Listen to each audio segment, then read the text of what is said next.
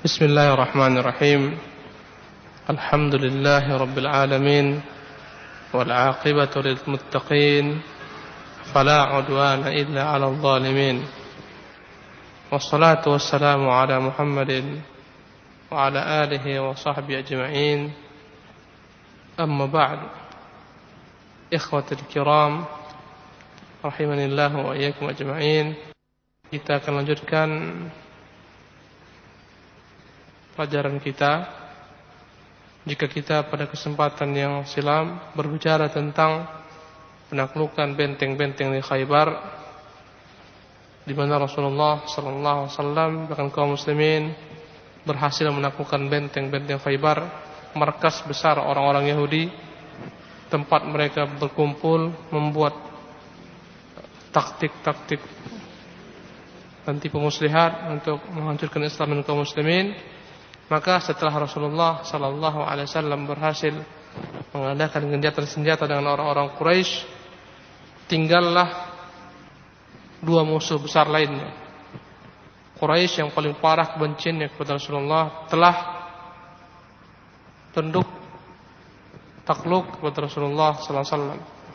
Tidak mampu mengalahkan kaum muslimin sehingga mereka menerima genjatan senjata tinggallah orang-orang Yahudi maka Rasulullah SAW tinggallah orang-orang Yahudi dan suku-suku Arab dalam yang tinggal di pedalaman ya, karena telah diterangkan bahwa ada tiga musuh Islam dari luar.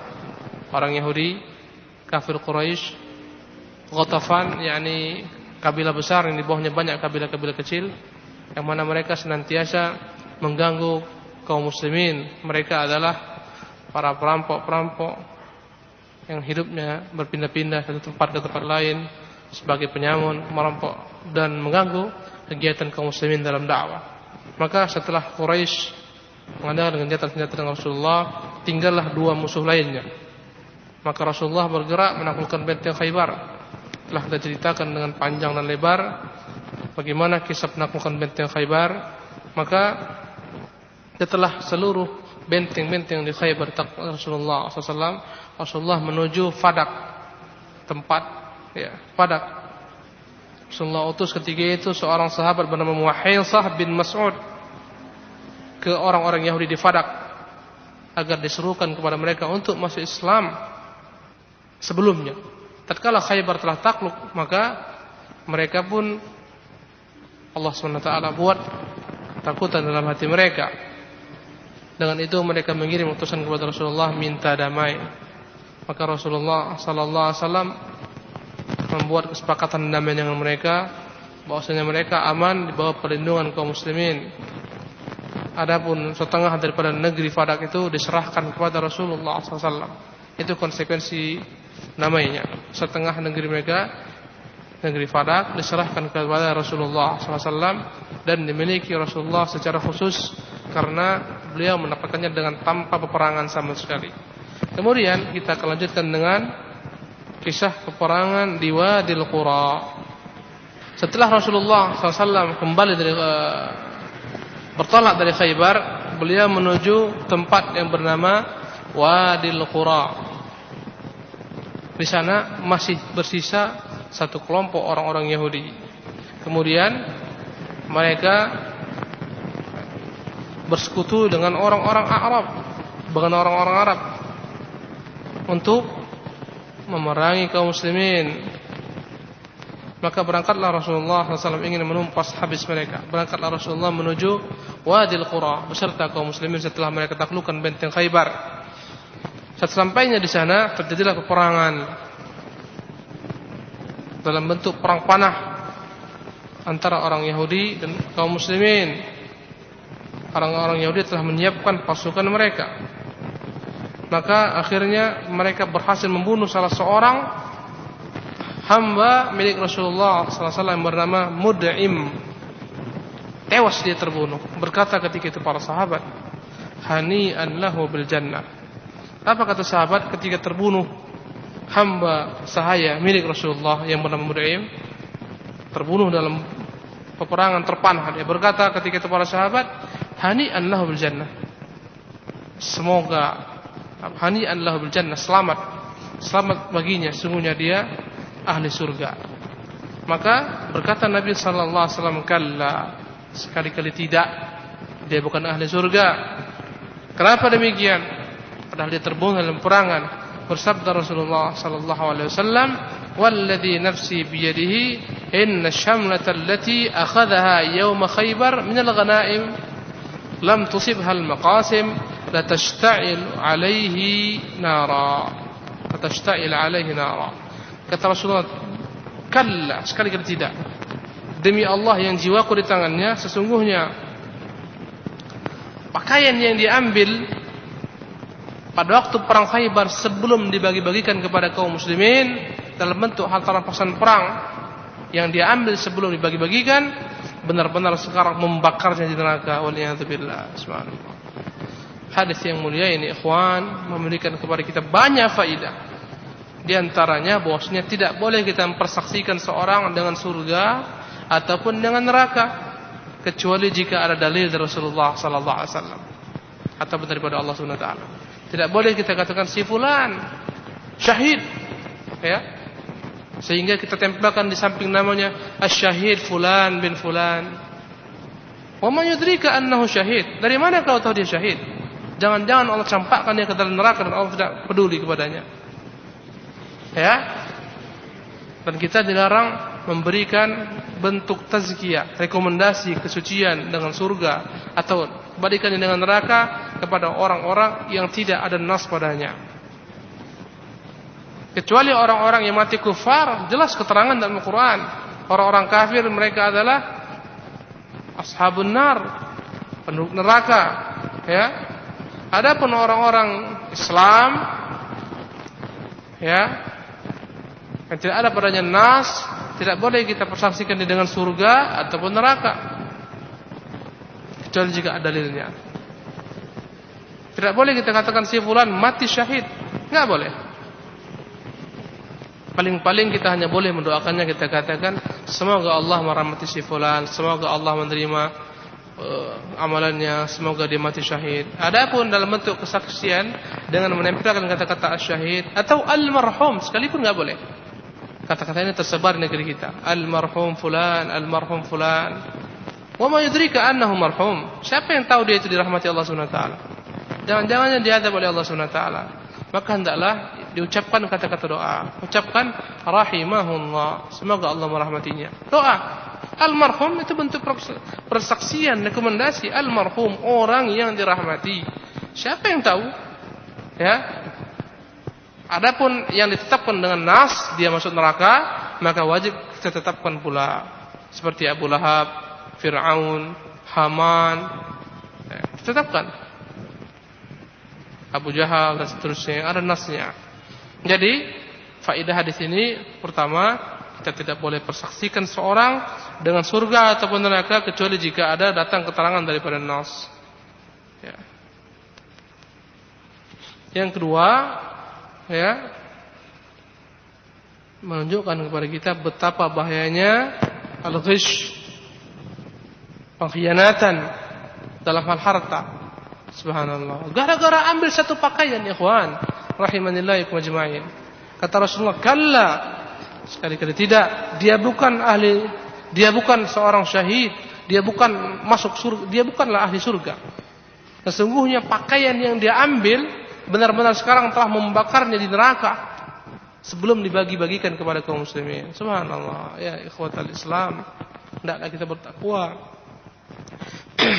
Bertakwa kepada Allah sallallahu taala dalam hal harta kaum muslimin. Jangan sampai kita jangan sampai kita ambil harta mereka. Satu pakaian saja begitu ancaman Rasulullah. Bagaimana orang yang makan harta kaum muslimin, makan harta rakyat, billah dengan tenang-tenangnya memeras rakyat, makan uang suap dan seterusnya. Apa jadinya kelak ketika mereka mati billah. Nas'alullah al-afiyah. Ini di antara sekian jumlah faedah-faedah yang penting. Maka tatkala para sahabat mendengar hadis ini, datanglah ketika itu satu dua orang membawa satu ikat tali sendal, tali sepatu yang dia ambil sebelum dibagikan harta rampasan perang subhanallah. berhati-hatilah dengan harta kaum muslimin. A'udzubillah min dzalik. Subhanallah.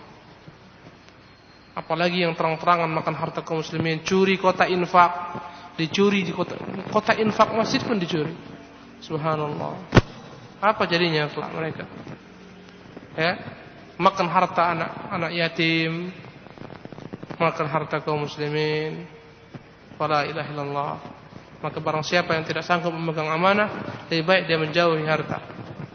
Lebih baik dia tidak terima amanah kaum muslimin karena beratnya pertanggungjawabannya di hadapan Allah Subhanahu wa taala. Rahimanallah wa iyyakum ajma'in. Semoga Allah merahmati kita semuanya. Maka berkata Nabi SAW ketika ada yang membawakan kepada Nabi, Ya Rasulullah, ini ku ambil sebelum dibagi. Dibawakan satu utas tali untuk mengikat sandalnya, sepatunya yang lain membawa satu utas tali lainnya, satu utas, ada yang bawa dua utas. Apa kata Nabi? Syirakan minar, atau syirakain minar. Ini satu tali yang membuat seorang masuk neraka. Ini dua tali yang membuat seorang masuk neraka.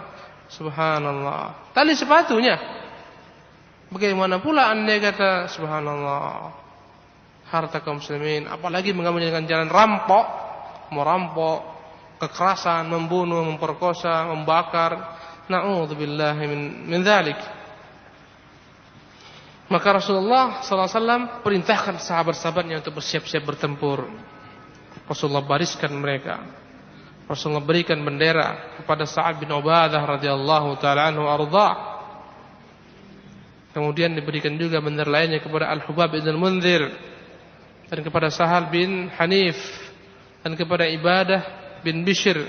Kemudian Rasulullah perintahkan mereka semua menyuruh kepada orang Yahudi ini untuk masuk Islam. Ini menunjukkan bahwa dalam peperangan yang diperintahkan di dalam agama Islam bukanlah tujuannya harta, tapi dakwah agar mereka menerima Islam.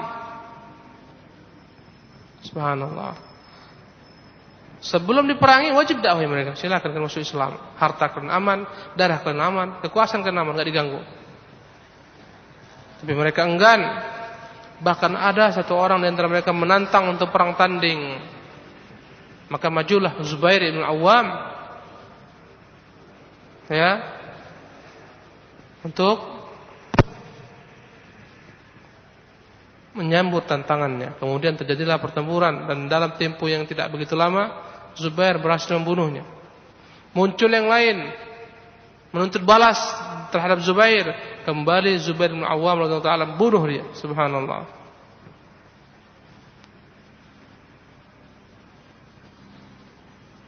Muncul yang lain, maka datanglah Ali radhiyallahu taala anhu yang melawannya. Dan Ali berhasil membunuhnya. Begitulah seterusnya sehingga terbunuh 11 orang mereka. Di antara mereka terbunuh dalam keadaan perang tanding. Tiap kali terbunuh satu orang, kembali Rasul serukan mereka, masuklah kepada Islam, akan selamat. Tetap mereka enggan, perang lagi. Perang tanding, mati lagi mereka, masuklah ke dalam Islam. Subhanallah. Ini menunjukkan ambisi. Tidak ada ambisi kaum muslimin terhadap harta, menguasai negeri-negeri orang kafir tidak. Ya. Karena agama kita ini adalah agama yang rahmah. Ya. Agama agar manusia terlepas daripada segala macam bentuk penghambaan kecuali kepada Allah taala. Itu tujuannya. Bukan harta, bukan kekuasaan. Makanya salah jika orang mengatakan Islam tersebar dengan pedang.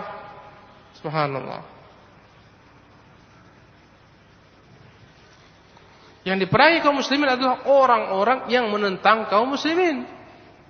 Tengok Yahudi, makar mereka, mereka mau bunuh Nabi, mereka galang persatuan dengan orang-orang Quraisy dengan Ghatafan sehingga terjadilah perang Ahzab, perang sekutu 10 ribu orang mereka ingin menghabisi seluruh kaum muslimin. Ya di kota Madinah, yang jumlah mereka jumlah mereka semua jika dikumpulkan anak-anak, orang tua enggak sampai 3000 orang. Subhanallah. Lihatlah jahatnya Yahudi. Lihatlah jahatnya Quraisy. Lihat jahatnya Qadhafan. Semua ini paling semua adalah orang-orang yang mereka sengaja menghalangi jalan dakwah Islam. Yang tidak menghalangi jalan jalan dakwah enggak diperangi.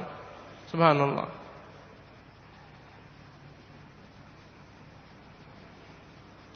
Dan dalam perang tersebut masuk waktu salat. Maka Rasul salat dengan para sahabat-sahabatnya. Kemudian selepas salat Rasulullah kembali menyuruhkan mereka untuk masuk Islam. Subhanallah. Agar mereka tunduk kepada Rasulullah SAW. Namun mereka enggan. Keperangan pun kembali bergejolak sampai datang waktu sore hari. Kemudian akhirnya Rasulullah berhasil mengalahkan mereka.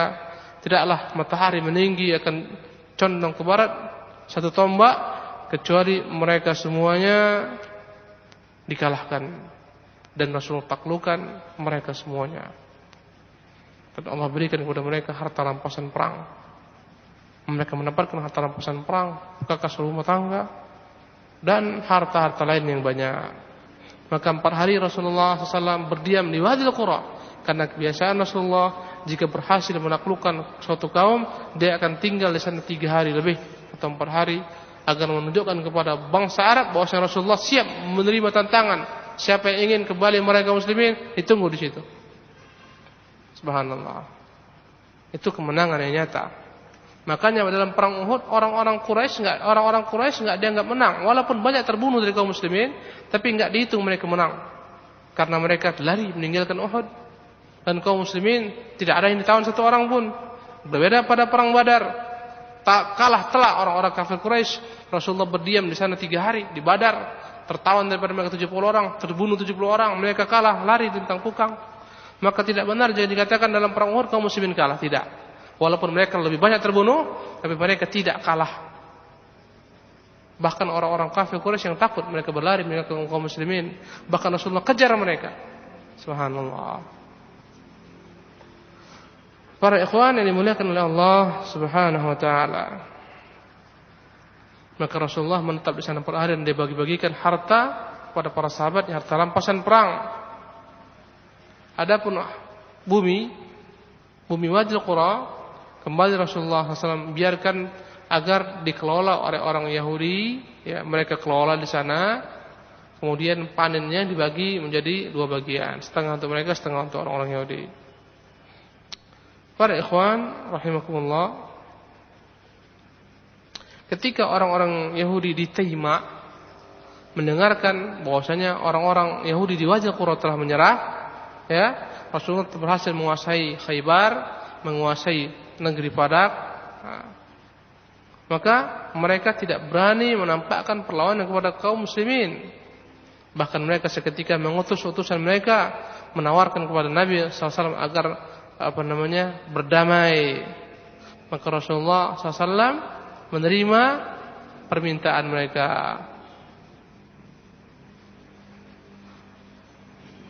Maka Rasulullah SAW biarkan mereka di kampung halaman mereka. Bahkan Rasulullah buat tulis kesepakatan yang isinya Hada kitab Muhammadin Rasulullah di Bani Adiyah. Inilah perjanjian ini buat Muhammad Rasulullah kepada Bani Adi. Sesungguhnya innalahum zimmah mereka di bawah kekuasaan kaum muslimin, perlindungan kaum muslimin wa alaihimul jizyah dan mereka memiliki kewajiban untuk membayar upeti kepada kaum muslimin. Wala ada wala jala, tidak ada pengusiran, tidak ada permusuhan. Ya, sepanjang siang dan malam. Ya. Inilah isi perjanjian dengan orang-orang Yahudi di Taima, subhanallah. Maka tumbanglah Yahudi semua, ya, Khaybar tumbang, negeri Fadak diserahkan kepada Rasulullah Wadil Qura Taima. Maka Rasulullah setelah itu kembali menuju Madinah. Habis semua. Berarti sudah dua, dua musuh besar, ya. Yahudi habis. Orang Quraisy telah tundukkan kepala, enggak berani menentang kaum muslimin. Bahkan mereka tidak gencatan senjata. Tinggal hanya menunggu masanya mereka akan dikalahkan kaum muslimin. Mereka pun pulang ke Madinah. Sampainya di tengah malam, sampainya mereka suatu tempat, ya dalam keadaan mereka keletihan di malam hari, maka mereka pun berhenti bermalam di situ. Maka berkata Rasulullah kepada Bilal, "Ya Bilal, ikra lana laila. Tolong kau jaga malam hari ini. Jangan kau tidur. Bangunkan kita besok pagi salat subuh." Namun Bilal bersandar, dia berjaga malam, ternyata tanpa sengaja kedua mata cuma terpejam. Ya. Sehingga dia pun tertidur pula. Tidak ada satu orang pun yang bangun ketika fajar datang. Sampai matahari meninggi, barulah ketika itu terjaga Rasulullah seketika dia bangun dan berteriak Allahu Akbar. kemudian Rasulullah perintahkan semua mereka bergegas meninggalkan lembah tersebut, ya, maka Rasulullah sholat dengan sahabatnya berjamaah.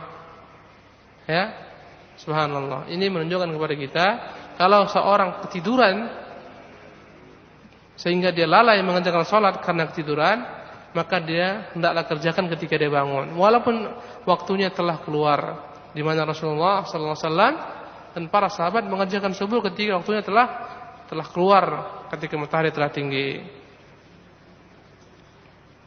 Dan pulangnya Nabi SAW ini ke Madinah diperkirakan di akhir bulan Safar pada tahun eh, di akhir bulan Safar atau awal Rabiul Awal pada tahun ke-7 Hijriah. Kemudian ikhwan rahimanillah wa iyyakum ajmain. Nabi SAW ketika akan meninggalkan Khaybar, dia tahu sekali bahwasanya kalaulah Madinah ditinggalkan begitu saja, ya,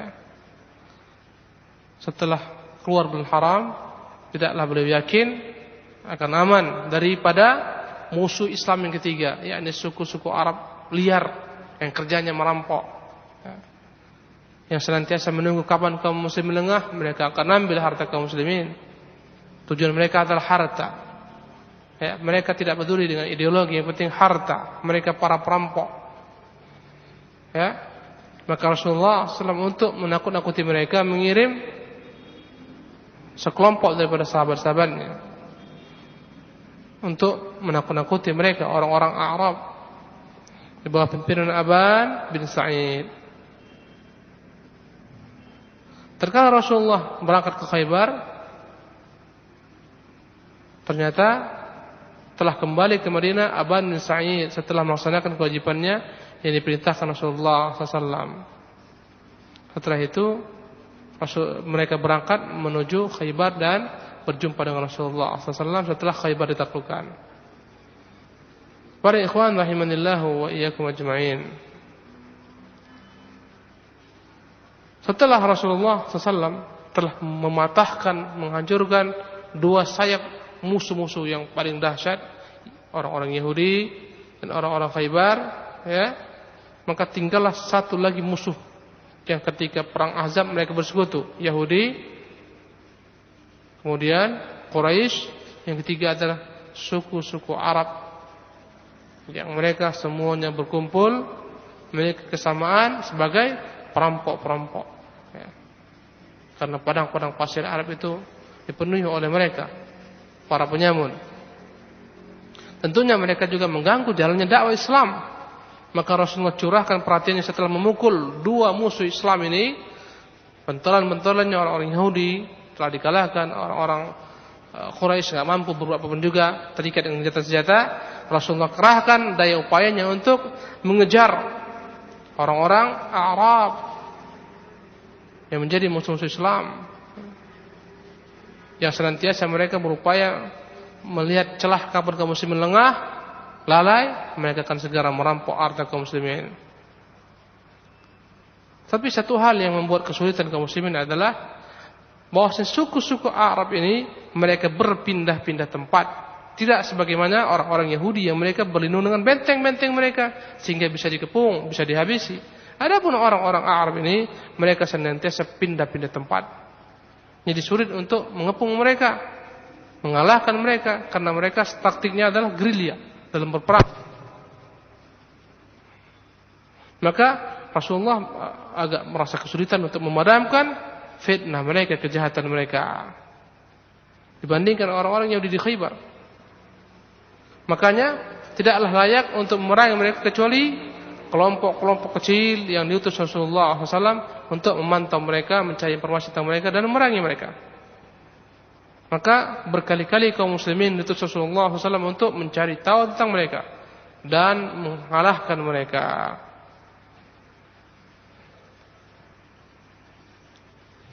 Tayyib. Kemudian ikhwan rahimanillah wa ikum ajma'in di sini disebutkan tentang utusan-utusan Rasulullah sallallahu alaihi wasallam untuk mengalahkan para Arab ini. Kemudian kita akan berbicara tentang peperangan berikut yang disebut dengan nama Ghazwatu Dzatir Riqa. Yang artinya adalah peperangan peperangan dengan pakaian yang ditambal-tambal, sandal yang ditambal-tambal. Peperangan ini adalah peperangan untuk mengalahkan orang-orang Arab.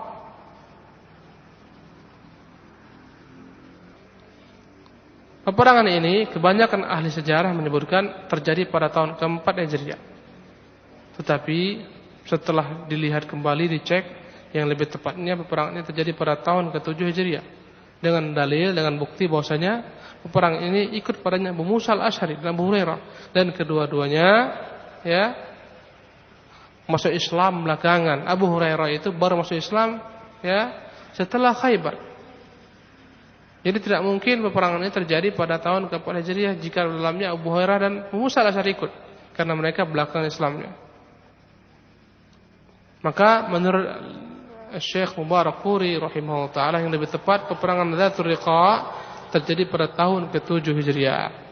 Adapun ringkasan peperangan ini disebutkan oleh ahli sejarah bahwasanya Nabi sallallahu alaihi wasallam mendengar telah berkumpul beberapa suku Arab yang tadi tersebutkan. Ya, di bawah apa namanya? Satu kesatuan. Ada namanya Anmar, Bani Sa'labah, Bani Muharib, ya, dari Ghatafan. Semua mereka telah bersekutu untuk memerangi kaum muslimin. Maka berangkatlah Rasulullah SAW dengan pasukan yang banyak jumlahnya. Membawa 400 atau ya,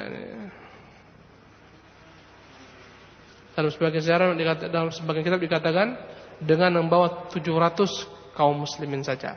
400 sampai 700 kaum muslimin.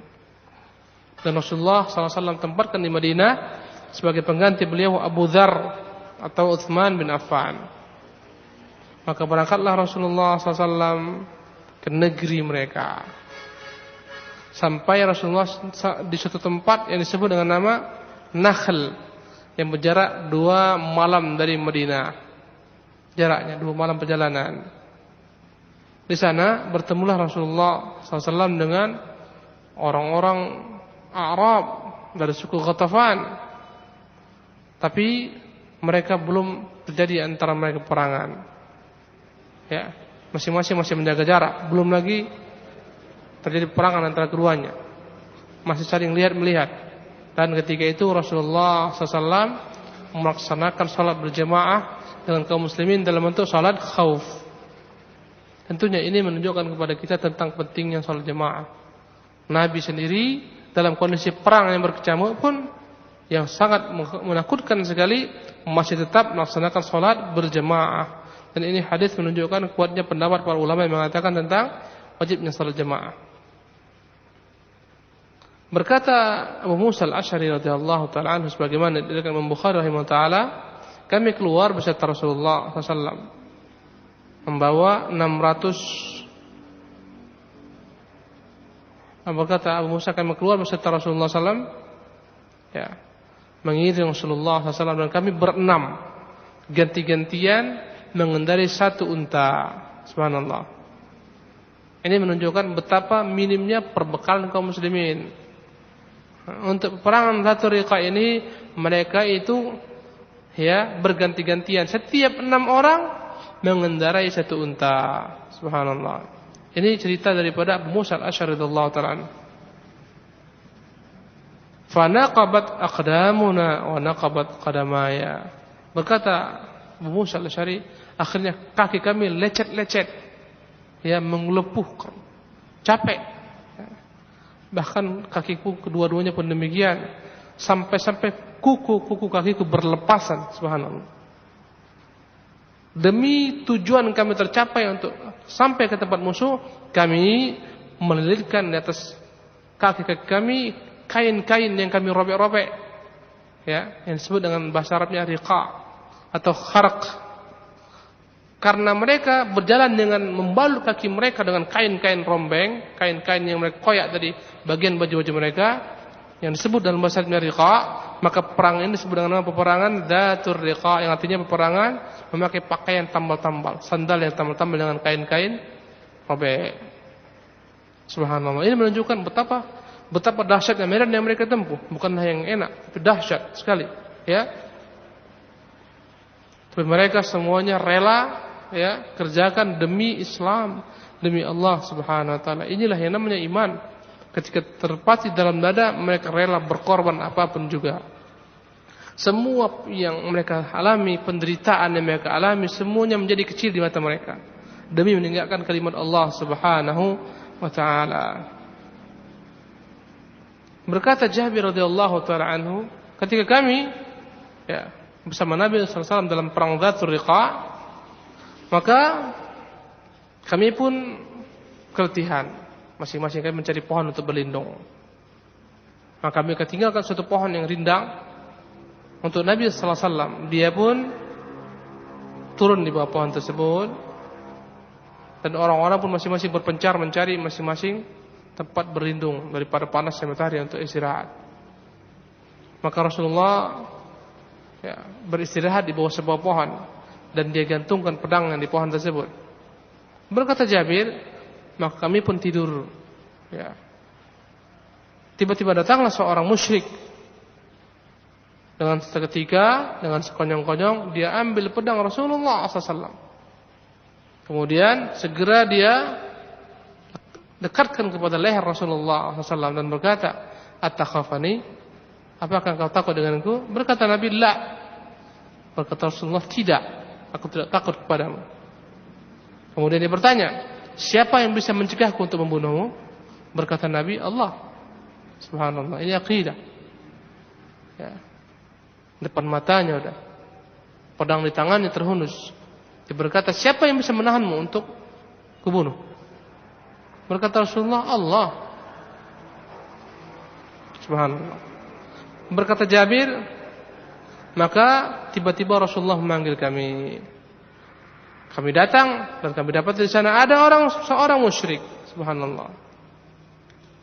Ada seorang musyrik yang di sisi Rasulullah SAW dalam keadaan duduk berkata Rasulullah kepada sahabat-sahabatnya, orang ini datang merampas pedangku yang kugantungkan di atas pohon.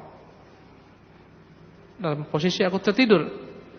Kemudian dia bangunkan aku dalam keadaan pedang terhunus di tangannya. Dan dia bertanya, siapakah yang mampu menahanku untuk membunuhmu? Kau katakan Allah. Maka ini sekarang dia dalam keadaan duduk menyerah. Subhanallah. Allahu Akbar. Maka Rasulullah perintahkan sahabat untuk menegakkan salat. Maka beliau pun salat dengan para sahabat. Ya, dibuat dua kelompok. Satu kelompok salat dengan Rasulullah SAW. Dua rakaat. Setelah itu mereka bubar. Datanglah kelompok yang kedua. Sholat dengan Rasulullah dua rakaat lainnya. Maka Rasulullah sholat empat rakaat. Dan ada pun kelompok ini masing-masing sholat dua rakaat. Inilah cara sholat khawf. Dalam riwayat Abu Wana. Maka tiba-tiba. Orang Arab tersebut yang merampas pedang Rasulullah. Ya, gemetar tangannya. Dan terjatuh pedang dari tangannya. Maka Rasulullah SAW kembali mengambil pedang tersebut dan kembali membalikkan pertanyaan. Siapakah yang mampu menahan menahanku untuk membunuhmu? Ya, maka dia berkata, maafkanlah aku, ampunilah aku. Bertanya Rasulullah padanya, apakah engkau mau bersaksi bahwa tidak ada ilah yang hak kecuali Allah dan aku adalah Rasulullah? Berkata orang Arab tersebut, aku berjanji tidak akan pernah kembali untuk mencoba membunuhmu dan tidak akan pernah menyertai pasukan yang ingin memerangimu. Maka Rasulullah tinggalkan dia. Maka dia pun datang kepada kaum sambil berkata, Ji'tukum min indi khairin nas. Benar-benar aku datang pada kali ini dari sisi orang yang paling mulia sekali hatinya, yang paling baik, Rasulullah sallallahu alaihi wasallam. Dalam riwayat Bukhari disebutkan bahwa nama laki ini adalah Gawruth ibn al-Harith Ya, berkata Ibn Hajar dalam buku Al-Waqidi ya disebutkan bahwa laki-laki bernama Da'thur dan disebutkan bahwasanya dia akhirnya masuk Islam. Tetapi yang lebih benar wallahu taala alam bahwasanya kisah ini terjadi pada kisah lainnya. Jadi ada beberapa kisah di sini. Dalam dua perangan. Yang satu masuk Islam bernama Da'athur, yang lain tidak masuk Islam. Maka ketika mereka dalam perjalanan untuk misi ini perang Tariqa, ya menakut-nakuti orang Arab, kaum muslimin menjumpai seorang perempuan musyrikin. Kemudian mereka mencela perempuan tersebut. Dia pulang melaporkan kepada suaminya. Bahwasanya dia dicela kaum musyrikin, kaum muslimin maka suaminya berjanji akan menumpahkan darah sahabat-sahabat Muhammad SAW. Maka pada malam hari, ya, dia mendekati tenda-tenda kaum muslimin, tempat kaum muslimin. Rasulullah telah menempatkan dua orang sebagai penjaga malam ketika itu. Untuk menjaga malam. Satu yang bernama Abbad bin Bishr, yang kedua namanya Ammar bin Yasir. Maka keduanya menjaga bergantian. Ammar tidur, Abbad menjaga dalam keadaan salat. Maka seketika ya, dalam keadaan salat orang musyrik tadi mengarahkan panahnya membidik Abbad sehingga ya, mengenai Abbad keluarlah darah. Subhanallah. Dan dia masih terus menerus salat. Kemudian kembali dipanah sampai tiga kali terpanah. Kemudian barulah dia menyelesaikan salatnya dan salam. Selepas salam baru dia bangunkan ketika itu Ammar bin Yasir. Maka dengan kaget berkata Ammar, subhanallah. Ya. Kenapa tidak kau bangunkan aku sejak tadi? Berkata, subhanallah. Abbad bin Bishr, aku begitu berat rasanya untuk memutuskan bacaan Al-Qur'anku tadi, subhanallah.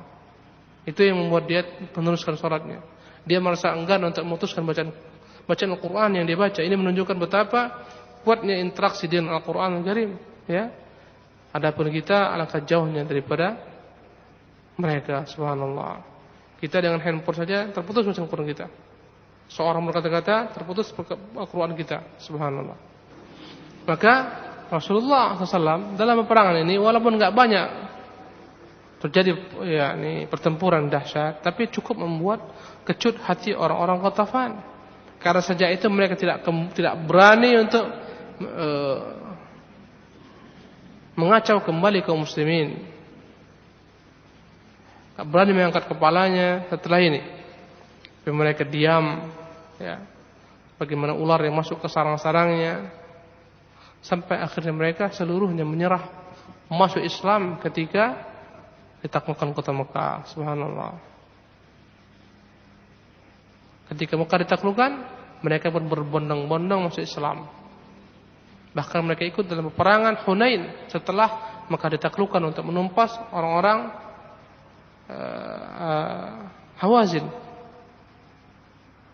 Bahkan mereka juga sempat menerima harta rampasan perang dibagi-bagi Rasulullah sallallahu alaihi wasallam. Dan Rasulullah mengirim kepada mereka utusan untuk memungut harta zakat-zakat mereka. Ya. Dan mereka memberikan dengan sukarela, subhanallah. Dengan demikian, ikhwan rahimakumullah, ketiga musuh Islam semuanya telah patah sayap mereka. Quraisy tidak berani menghadapi kaum muslimin.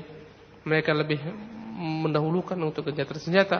Yahudi telah porak-poranda, orang-orang Arab pun telah porak-poranda. Dengan demikian, ya Islam telah berhasil memenangi memenangkan peperangan terhadap orang-orang kufar yang tinggal di sekitar wilayah kaum muslimin. Subhanallah. Timbullah keamanan di mana-mana. Dengan hal tersebut mudah bagi kaum muslimin menutup celah-celah kecil yang merusak yakni ketentraman kaum muslimin. Allahu akbar.